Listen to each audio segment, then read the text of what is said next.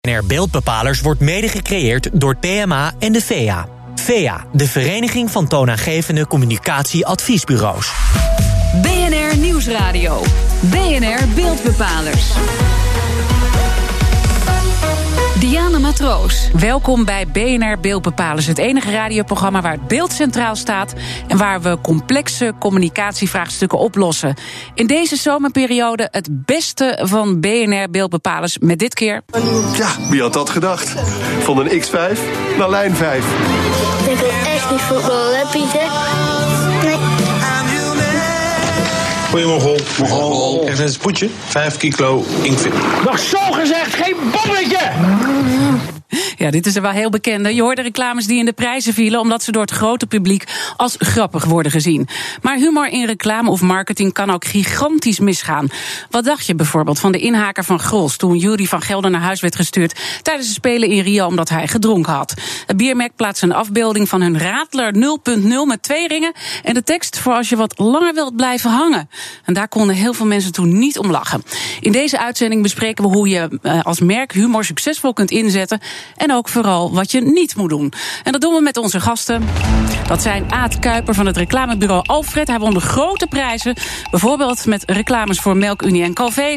En comedian Wilco Terwijn, oprichter van Badaboom. En hij schreef onder meer mee aan The Roast van Comedy Central... en het Correspondence Dinner met Mark Rutte.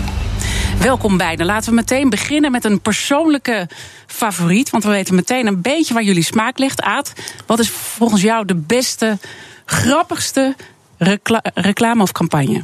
Uh, ja, dat mag ik natuurlijk niet uh, van mezelf of van uh, mijn medemakers noemen. ja, doe ik toch. Ik vind Bommetje gewoon echt verschrikkelijk. Als ik hem hoor, al, moet, ik, moet, ik, weer lachen. Maar hij is wel lang geleden. Het is heel lang geleden, maar ja, dat maakt niet uit. Hè. Goeie, nee, zeker. humor blijft, maar is er daarna geen betere gekomen? Jawel, maar dit was zo... Ja, dit, dit, ik denk dat niemand dit ook had zien aankomen. En da, dat maakt het natuurlijk extra leuk. En wat maakte deze dan zo goed? Uh, ja, het is natuurlijk een, um, het is best een, best een spotje vol met, met lef. Er zit natuurlijk een hele rare man in, Pierre Massini, uh, ja. als een uh, hele bekakte ja, die is professor geweldig. in de melk. Is dat is geniaal. natuurlijk op zich, dat heb ik niet bedacht. Dus uh, daarvoor heel veel eer aan andere mensen. Maar ja, en dat in combinatie met een koe die als het ware zijn vriend is. Ja, dat is natuurlijk eigenlijk dat is stof voor voor, voor dit soort comedy. Ja. En hij is blijven hangen, dus daarmee kan je Ja. sowieso zeggen dat hij succesvol is.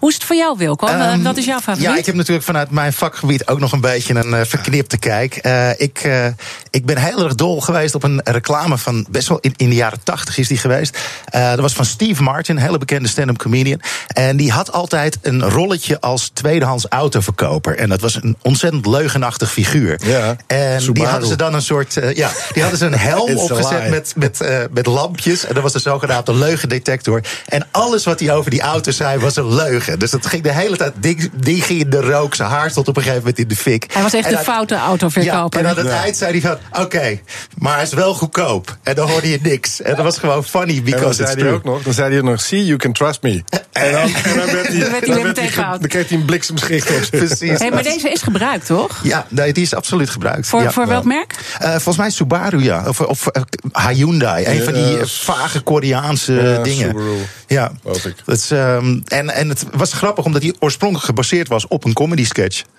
Je wil natuurlijk als merk zoveel mogelijk mensen aan je merk eh, Mhm. binden. Eh, nou is, zijn grappen ook best wel smaakgevoelig. Hè? We weten nu Ja. in ieder geval even waar jullie eh, smaak ligt. Kan het smaak overstijgen? Ehm, ja, ik denk dat, dat als je snapt waar je de reclame voor maakt, dus welk verhaal je wil vertellen, eh, dat je best wel gewoon bijna iedereen kan, eh, kan raken. Een goed voorbeeld is die Passat-reclame. Eh, dat is een Volkswagen Passat met een heel klein jongetje die Darth Vader speelt. En die vader die dan eventjes met een. het is niet een schuddenbuik lachen reclame, maar ge- geeft je wel een vrolijk gevoel. En iedereen kan er wel mee relaten. Ben jij, daar ook, ben jij het er ook mee eens? Ja, absoluut. Het, het heeft te maken met herkenbaarheid. Mhm. En dan zie je dat eh, ehm, ehm, humor eh, door een bepaalde groep herkend wordt. Een betere humor, die misschien wat dieper gaat, die wordt door nog meer mensen herkend. Nederlandse humor of cultureel bepaalde humor wordt door Nederlanders herkend. Ja. Maar je hebt ook. Je hebt ook dingen die zijn zo goed, die zijn internationaal aansprekend. En dat komt omdat je dan op een niveau zit wat eigenlijk iedereen herkent. Dat is menselijke humor. Dat gaat over onze, onze kleine, kleine falen als mens. En, en ja, je ziet wel dat je. Daarmee kun je dus echt iedereen aanspreken. Maar dat heeft dus wel te maken met hoe diep je gaat. En hoe, hoe minder cultureel. En hoe minder taal bijvoorbeeld Ja, in, een, taal. in, in een eh, spot zit, des te beter Ja. het is. Kijk, we hebben al en- een paar en, en voor merken, basisregels voor merken is gehoord. het ja. natuurlijk altijd belangrijk. Als je een groot merk bent, dan wil je veel mensen aan je binden. Dus dan wil je ook het soort humor gebruiken wat veel mensen aanspreekt. En als je een klein merk bent, kan je wat meer insider gaan kan je zelfs gebruiken. bewust humor gebruiken die andere mensen eh, eh, afstoot. Wat nog wel interessant is, want we hebben nu al een paar basisingrediënten gehoord. Hè, dat er in het verleden ook wel veel discussie is geweest over humor in reclames. Heeft het nou wel of geen effect? Luister even mee naar psycholoog Madeleine Strik. Zij concludeerde met haar onderzoek dat humor in reclame wel degelijk werkt. Dus eigenlijk heeft, eh, had al 40 jaar lang onderzoek gezegd dat humor in reclame, dat werkt dus gewoon niet. Wij zijn toen als eerste echt vooral gaan kijken naar onbewuste effecten en naar eh, gedrag. Dus we hebben mensen echt letterlijk naar een winkeltje gebracht waarbij ze dan eh, producten mochten uitkiezen. En dan zag je dus wel degelijk dat als er humor in de reclame zat, dat mensen eh, dat product eh, pakten. Dus dan, en dan ging het wel om eenvoudige keuzes, hè, zoals eh, een frisdrankje of een snoepje, waar mensen redelijk spontaan keuzes maken. En dat hebben we dus ook gevonden dat dat komt doordat, men, doordat er toch onbewust een, ja, een positief gevoel komt bij die producten. En mensen hebben dat niet altijd door. Maar dat is wel vaker bij reclame, dat mensen niet doorhebben hoe het hen beïnvloedt. Eigenlijk een heel belangrijk punt wat zij aangaf. het positieve gevoel overbrengen, hè, want er is nog veel Ja. meer over dit onderzoek gezegd. Is veel belangrijker dan de merkherkenning. Ben je het daarmee eens? Eh, nee, daar ben ik het niet mee eens. Ik, ben het, eh, ik, ik vind dat het hand in hand moet gaan, want anders dan heb je er als merk niks aan. Eh, maar het is wel zo dat het, het, het, wat, wat zij eigenlijk zegt, is het, het, het ontwapenen van humor. Dat zou jij als, eh, Ja. als eh, schrijver en, en uh, komiek ook eh, herkennen. Eh, humor, humor heeft iets ontwapenends, waardoor mensen eigenlijk hun. Uh, they let their defense, hoe zeggen die in het Nederlands? Ze- laten hun, Eh, laten hun verdediging Ja, zakken. hun, hun muurtjes eh, worden En, en mensen hebben natuurlijk een enorme verdedigingswal tegen reclame opgebouwd. Dus wat doet humor? Het zorgt er eigenlijk voor dat je even ontspant. En dat je misschien dus wel luistert naar iets waar je eigenlijk helemaal geen boodschap aan. Dus dat, dat is de reden waarom het werkt en waarom mensen het waarderen. Het Maar het- je zegt van uiteindelijk moet wel zo'n bedrijf het merk als eerste centraal zetten. Want dat moeten mensen echt kunnen noemen. Ja, absoluut. Want anders, dan, anders heb je er niks aan. Nou, ik, denk dat het ook wel ligt wat voor product je maakt. Als je bijvoorbeeld kijkt naar wijn, dat is zo'n wereldwijd product met niet echt eh, dat mensen verstand hebben ervan en dergelijke. Daar blijkt uit dat als je er een vrolijk eh, dier op het etiket zet, dat vrouwen veel meer geneigd zijn om die fles te halen. Dus als je er een gekke kikker of een, eh, of een, een vrolijk varkentje op zet, dan, dan gaan ze- mensen toch automatisch. Ja, maar dan staat het op die fles. Ja. Dus dan weet je welke fles je moet pakken. Precies, het is wel En- en als maar jij, als jij een- humor op de radio hoort of op televisie ziet... en je weet niet voor welk merk Ja. het is... Nee, dat klopt. dan, klopt. Dan ben je uiteindelijk geen niet, goed, maar ik bedoel, van, het kan op heel veel levels kan het, eh, werken. Jullie hebben een aantal eh, ingrediënten genoemd die voor succes eh, kunnen zorgen. Maar zijn- waar we vaak veel meer van leren is waar het misgaat. Zou je een paar dingen kunnen noemen, een reclame of een campagne waar je zegt... daar hebben ze echt de plank misges- misgeslagen. Nou, wat ik al net zei, van, eh, hoe minder eh, woorden je nodig hebt voor de grap, des te beter. Want woorden kunnen ook fout geïnterpreteerd worden. En dat is het gevaar van taal. Ehm, iedereen heeft zijn eigen interpretatie aan. En ja, er zijn echt gewoon verschrikkelijke missers geweest in de afgelopen jaren. Met, eh, ja. Toch wel campagnes waarvan je denkt van is er niemand in de organisatie geweest Daarover na heeft. Bijvoorbeeld eh, eh, het me- het menne- eh, pennenmerk, sorry, Big. Die maken ballpoints. En die hadden op een gegeven moment besloten om een vrouwenlijn uit te brengen. En die vrouwenlijn heette Big for Her. En ze hadden nergens in de gaten dat dat nogal een seksuele connotatie was. Zeker als je een vrouw met een pen in de mond op de poster zet. Misschien hadden ze dat wel, dat weet jij helemaal niet. zijn gewoon een stelletje viesbeuken. Dat zou heel goed kunnen. Ja. Dat- eh, ja, en Dat is echt een voorbeeld, eh, nog waarbij het niet is werkte. bijvoorbeeld Ja. het eh, voorbeeld van eh, Renault-campagne in Engeland. En eh, daar wilden ze dus eh, eigenlijk het adagio... wij verkopen geen nee, wilden ze, wilden ze handhaven. En die hadden letterlijk een poster gemaakt met... for the next 10 days, the N-word is not allowed. Ah. En als je enigszins weet wat voor eh, gevoeligheden Ja. je dan aanraakt... dan, ben kan je wel heel dom beter bezig. niet doen. Waar moet jij in denken, Aad?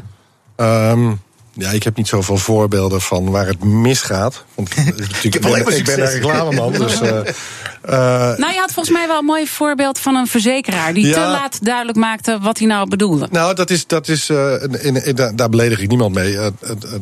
een van de grote problemen is, en daarom had ik het ook over, over merkherkenning... Mm -hmm. is dat een van de populairste campagnes, even Apeldoorn bellen... Ja. door nog steeds heel weinig mensen wordt toegeschreven aan centraal beheer. En dat is gewoon puur een naamgevingsding.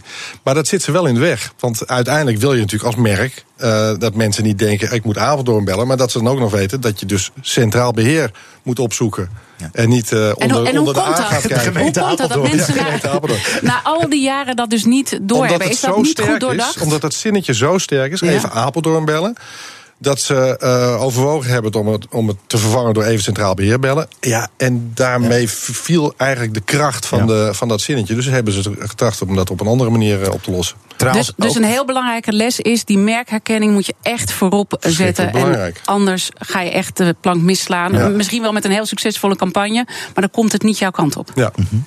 Ja, ik vind Centraal Beheer ook een, echt een goed voorbeeld van. Uh, internationaal uh, overschrijdend uh, grappig. En uh, het mooie van Centraal Beheer is dat ze, omdat hun markt is verzekeringen, dus verzekeren tegen ellende, heb je altijd al een soort slachtoffer. Iemand overkomt iets verschrikkelijks. En dat is natuurlijk goud voor comedy. Ja.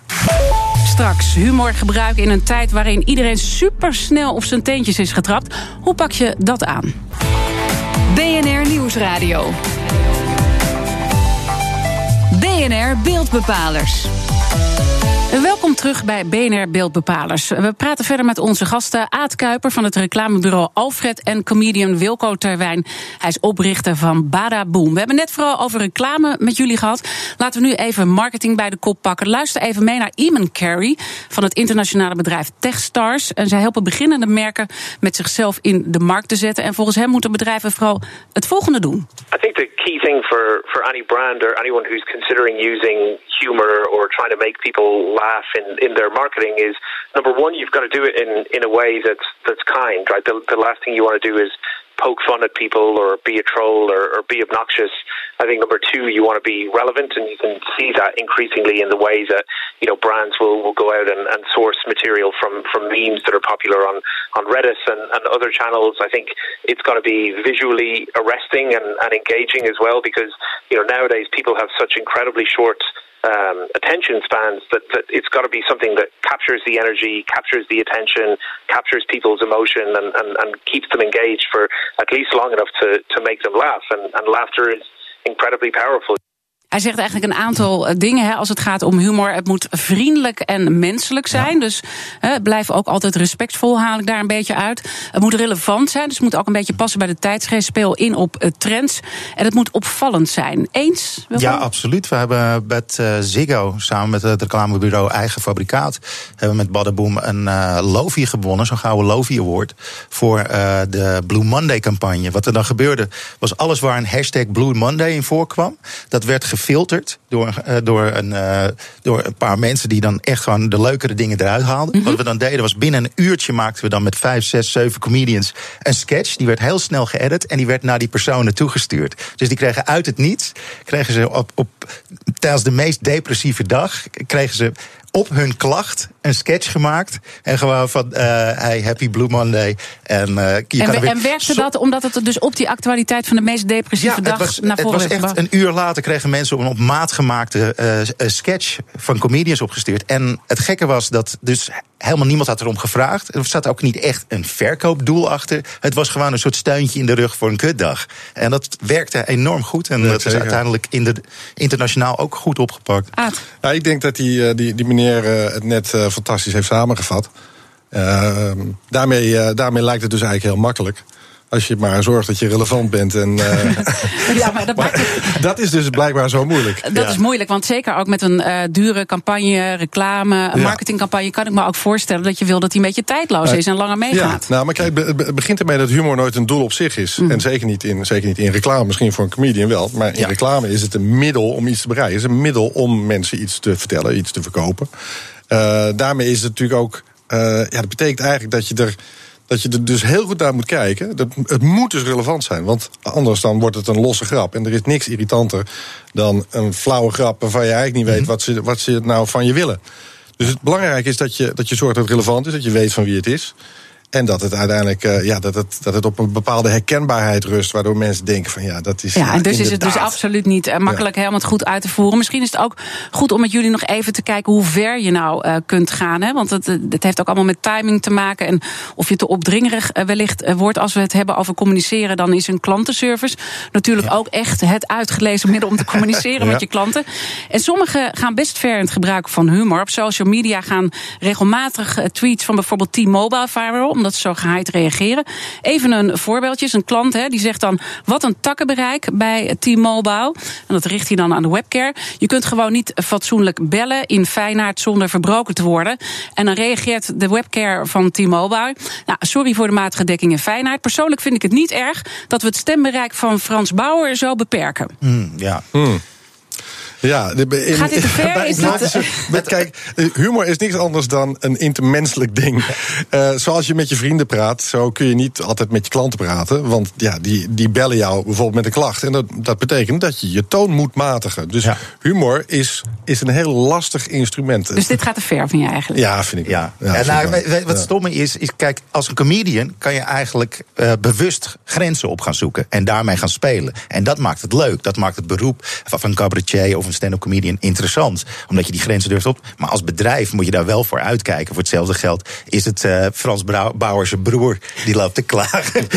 ja, het is gewoon, ja, je moet een beetje uitkijken. Cinnabon heeft ook een hele fout gemaakt met uh, Carrie Fisher. Die ging Thuis? dood. Prinses ja? Leia, het Star Wars franchise, die ging dood. En uh, op diezelfde dag hadden zij een tekening van haar. Met erop twee uh, donuts als de bekende haar. en dan met de mededeling: You will always have the best buns in the galaxy. En dat, dat vonden mensen toch echt veel te vroeg. Om dan meteen product placement te gaan doen. En vind ik ook wel een beetje terecht. Je, moet, ja, het heeft er ook weer mee te maken. Een commercieel doel. Ja.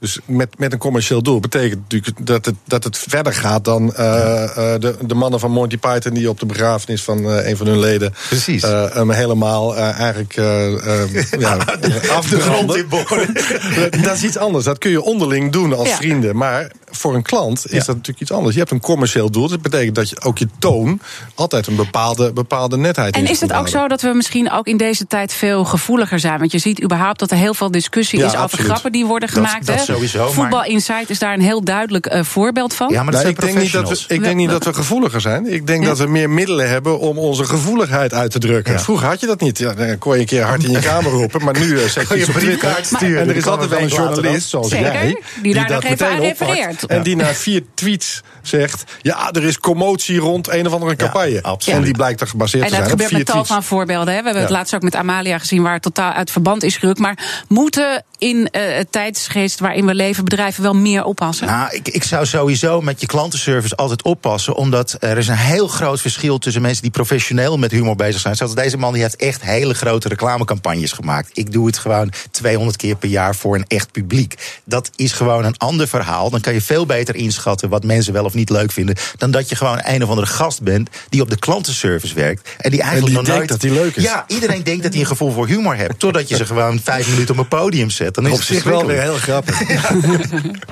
Ja, we zijn, het gaat snel, alweer toegekomen aan jullie eindadvies. Eh, als we kijken naar humor inzetten in je reclame of marketing... wat is dan echt cruciaal om te letten aan? Nou, ik zou het zeker doen. Ik zou zorgen dat je, dat je goed je toon matigt. Dat je goed eh, kijkt of, je, eh, of, het, of het een bepaalde, bepaalde herkenbaarheid heeft. En, maar de reden dat ik het zou doen is... ik vind humor is een, is een manier om mensen iets te geven voor hun aandacht. Dus het is, en ik vind goede reclame is voor wat hoort wat. Ik wil iets van jou, want ik heb een commercieel doel. Dus ik wil graag dat je even naar mij luistert. En daarvoor geef ik jou een glimlach. En dan heb ik dus iets teruggegeven voor de aandacht die ik van jou krijg. Nou, dat is mooier, mooier dan dat kun je het, eh, kun je het niet hebben. Dan. Maar je moet je denk ik tegelijkertijd beseffen dat het een heel krachtig wapen is. Dus als het verkeerd uitpakt, heb je een probleem. Ja, ja, ja, je moet zorgen dat je de juiste mensen eh, inschakelt om, om de humor voor jou te bedrijven. Ik hoor het al, ze moeten Nou, jou we hebben, we bellen, hebben nog zeker 50 Wilco. man zitten, dus eh, ik ben het niet Nou, alleen hoor. Nou, maar ik ik denk dat het heel belangrijk is als bedrijf zijn dat je gewoon heel goed weet welk verhaal je wil communiceren. En wat ook heel belangrijk is voor eh, humor, wees eerlijk. Eh, heel vaak als je eerlijk bent, dan, uh, dan werkt het heel catharsisch. Dus als je gewoon weet, oké, we hebben een fout gemaakt, dat kan je afdoen met een grapje. Ja. Dat, dat, dat maakt je sympathiek. ontwapenen. Ja. Ja. Dat maakt je sympathiek, maakt je menselijk. dat zie je ook bij die roast altijd. Als, als je mensen om hele harde grappen toch keihard ziet lachen. Dat, dat, bijvoorbeeld Sylvana Simons vond ik een heel mooi voorbeeld van de roast. Die kreeg echt wel wat te verduren. Maar die zat daar gewoon uh, kostelijk mee te lachen met die roast van Giel. En dan vind ik toch wel gewoon, denk, ja, dan denk ik van uh, tof, weet je wel. Dat, ja. dat dus je kan kans. het ook naar je toe trekken. Dat is eigenlijk wat je zegt. Dat je ja. misschien zelf eerder de grap moet maken voordat ze de grap over jou maken. Ja, dat is altijd het krachtigste. Als je een grap maakt over jezelf, is dat uh, altijd het pluspunt. De beeldbepaler van de week tijd voor de beeldbepaler van de week. En dit keer gaat het om week 19. Carlijn, wat is jou deze week opgevallen? Ja, ik wilde het dit keer hebben over de nieuwe Donald Glover video. Die is beter bekend als Childish Gambino. Hij was acteur, is acteur, is stand-up comedian. Maar uh, we kennen hem nu vooral als zanger en rapper. Lando Calrissian, uh, Star Wars. Ja, ja, ja, ja, ja, ja, ja gigantisch veel. Uh, hij heeft nu een nieuw nummer, This is America.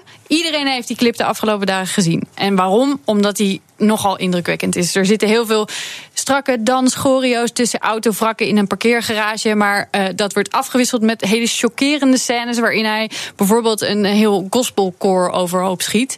Um, de clip was dus overal te vinden online. Iedereen heeft een beetje zitten speculeren. Wat, wat betekent dit nou? Wat wil hij er nou mee zeggen? Uh, vooral een van de analyses is. Hij probeert te laten zien dat luchtige commercie. dus die, die, de, de voice, de dansjes, de, de spullen die we allemaal verkopen. Uh, dat dat een afleiding is van die zware kant van de maatschappij. Dat we worden afgeleid van het geweld wat er allemaal is. Uh, het is de moeite waard om even te kijken. Ja, want dat is echt heel heftig. Hè? Is, er worden continu uh, mensen gewoon kaart neergeknald. Dat zie je niet vaak in een clip op ja, deze manier. Ja, ja, ja, er is heel veel ver, slimme verwijzingen zitten erin. Niet alleen dat wapengeweld, maar er zit nog veel meer in. Uh, te veel om nu te bespreken. Maar misschien is het goed om even aan onze gasten te vragen. Um, dit is niet in eerste instantie, zie je hier geen humor in. Zit dat er toch in? Ja, hij, hij gebruikt het. Ik, ik, noemde net het woord ontwapenend. Hij, hij, hij doet een soort cartoony dansje. Waardoor je eigenlijk heel ontwapend ja. bent. En op dat moment uh, pakt hij ergens een pistool vandaan of een, uh, of een automatisch wapen. En schiet hij allerlei mensen op. Waardoor het heel hard binnenkomt. Omdat je net ontwapend bent door eigenlijk die die humor. Dus dan zie je dat hij, uh, ja. ja hij, hij, gebruikt het echt. Nou, ik, ik, denk wel dat je bij Donald uh, Glover uh, en Childish Gambino een onderscheid moet maken. De ene is echt zijn rap karakter en de rest is gewoon hij is een comedian, schrijver en al dat soort dingen. Maar je ziet wel dat hij van bepaalde dingen gebruik maakt. Zoals de eerste keer dat hij iemand door zijn kop heen schiet. Dat zie je eigenlijk niet aankomen. En datzelfde geldt ook voor het kerkkoortje wat afgeknald wordt. Dat zie je niet aankomen. Dus heel duidelijk een verkeerde been situatie. Ja, en, en is dat een vorm van humor? Net daarvoor maakt hij van die grimassen. Ja. Ja. Bijna een soort cartoony uh, gezichtje trekt hij dan. Waardoor je helemaal uh, ja. het niet ziet het is, een, het is een klassiek systeem in comedy om een verkeerde been neer te zetten. Dus iedereen denkt dat je die kant op gaat. Oh, het is een vrolijk dansje met een kerkkoortje. Ratatatatat. Ja. En, dan en, en vinden jullie dat dit dan ook werkt? Dat dit ook echt ik, impact ik denk dat heeft? Deze clip, ik vond het, tot, uh, wauw. Ja, ik denk dat dit de beste clip van dit jaar gaat worden. Zonder twijfel. En ik denk dat dit echt wel een zo'n van die dingetjes zijn zoals, um, weet je wel, je, je, je krijgt nu echt gewoon uh, rap wordt uh, aan de ene kant verschrikkelijk kinderachtig als je kijkt naar uh, Tekashi 69 en uh, en Lil, Lil Pump en dat soort troep en aan de andere kant wordt het super volwassen met dit soort dingen. Dus ik vind het wel interessant. Ik wil jullie hartelijk danken. De tijd is alweer op. Uh, jammer, ik praat graag een uh, volgende keer verder. Dank aan mijn gasten Aad Kuiper van het reclamebureau Alfred en comedian Wilco Terwijn. Dit was hem dus voor vandaag. Reageren kan op Twitter, LinkedIn, Instagram. En natuurlijk is de hele uitzending terug te luisteren als podcast in iTunes en Spotify. Mijn naam is Diana Matroos. Tot volgende week in BNR Beeldbepalers. Het enige radioprogramma waar het beeld centraal staat. BNR Beeldbepalers wordt mede gecreëerd door de VEA en PMA. PMA, Platform Media Adviesbureau.